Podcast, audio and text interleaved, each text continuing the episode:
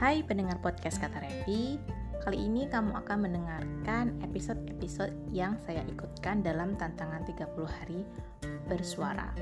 Dan yang pastinya topik-topik yang sudah disediakan oleh The Podcasters ID ini akan saya hubungkan dengan aktivitas sebagai seorang penulis, aktivitas kreatifnya, dan juga tips-tipsnya. Seperti apa? Kamu harus langganan kata Revi ini di Noise atau di Anchor atau juga di Apple Podcast atau podcast-podcast apa pun, channel apa pun yang bisa kamu pakai untuk mendengarkan podcast kata Revi. Dan seperti biasa, episode ini adalah bagian dari tantangan 30 hari bersuara 2023 yang diselenggarakan komunitas The Podcasters Indonesia.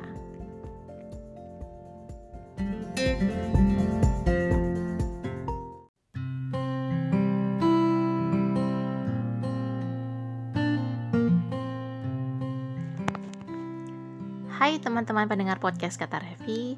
Sekarang kita sudah berada di penghujung akhir tahun. Memang masih tanggal 30 sih Tapi sebentar lagi kita akan memasuki uh, mode akhir tahun. Dan bagi saya sendiri sebagai seorang penulis Saya juga ingin membuka lembaran baru. Yang sebelumnya saya sangat ini ya Saya sangat pesimis atau saya tidak percaya pada diri saya sendiri bahwa oh aku nggak akan bisa nih nulis 100 ribuan kata saya berpikir seperti itu. Tapi setelah saya jalani ternyata ya lumayan lah. Satu bulan ini sudah 20 ribuan kata deadline-nya masih sampai bulan April. Saya masih mencoba gitu kan untuk menantang diri sendiri untuk nulis di platform. Platform yang saya coba itu good novel.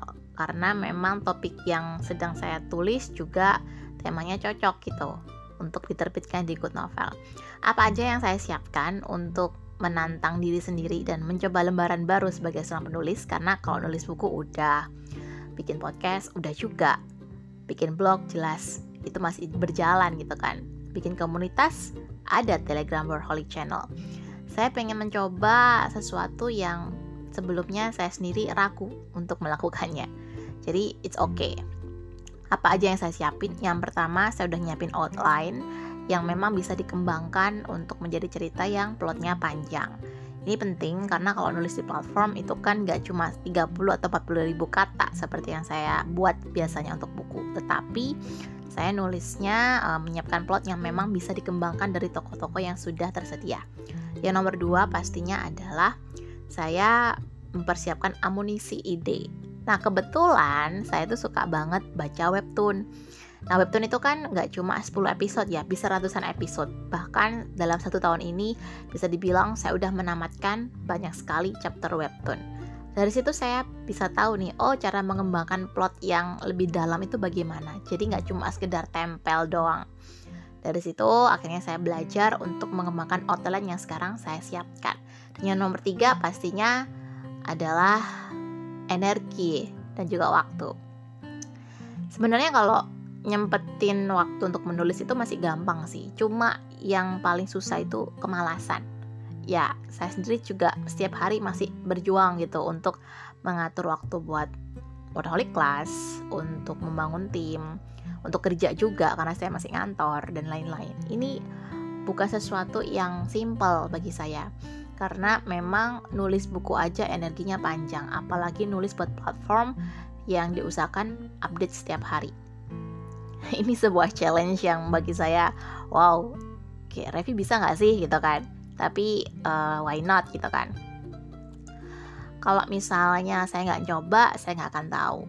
Sekarang pertanyaannya buat teman-teman yang lagi dengerin podcast ini, apakah perlu sebagai seorang penulis kita menatang diri sendiri di luar zona nyaman? Nah, bagi saya sendiri itu nggak selalu seperti itu sih. Jadi kalian juga nggak harus keluar dari apa yang biasa kalian tulis untuk mencoba hal baru. Lagian topik yang saya tulis ini juga temanya masih uh, genre yang untuk yang adult juga. Memang judulnya Toxic Marriage Business. Tapi uh, saya juga nggak suka bikin cerita yang mature banget plus plus gitu kan. Tapi ini memang untuk pembaca yang dia terbiasa mungkin membaca yang agak engs gitu ya yang ada deep gitu. Jadi saya suka banget sesuatu yang temanya psychological. Jadi uh, kalau misalnya teman-teman berpikir wah nulis di platform berarti harus ada topik yang plus-plus gitu kan. Nggak juga karena uh, bagi saya sendiri nulis itu kan memang unsur kreativitasnya dibutuhkan. Kalau kamu sendiri punya ide dan kamu nggak mau mengikuti tren yang ada, it's okay. Saya sendiri nggak mau ngikutin tren-tren yang seperti itu. Tapi saya juga tahu bahwa di Good Novel performnya juga bagus gitu dan banyak sekali karya-karya yang tidak hanya plus-plus.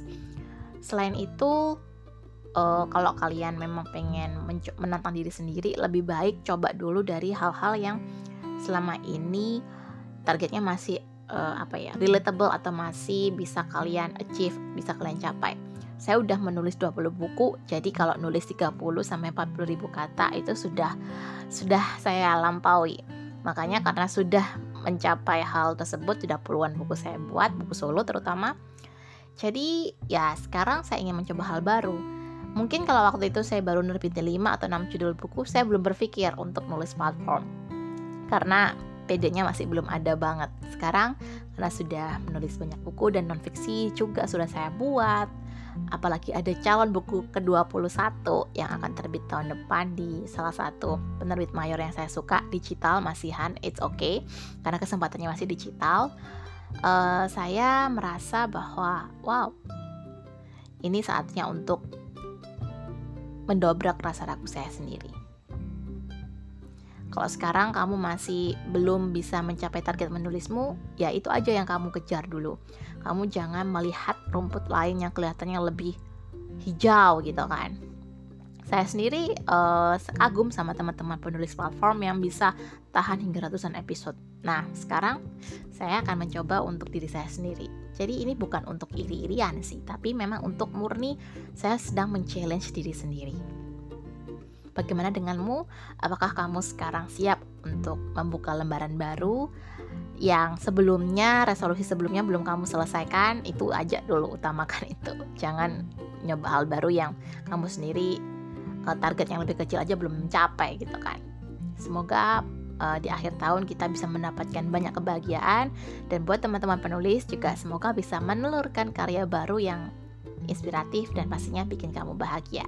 Sampai jumpa di podcast Kata Revi berikutnya.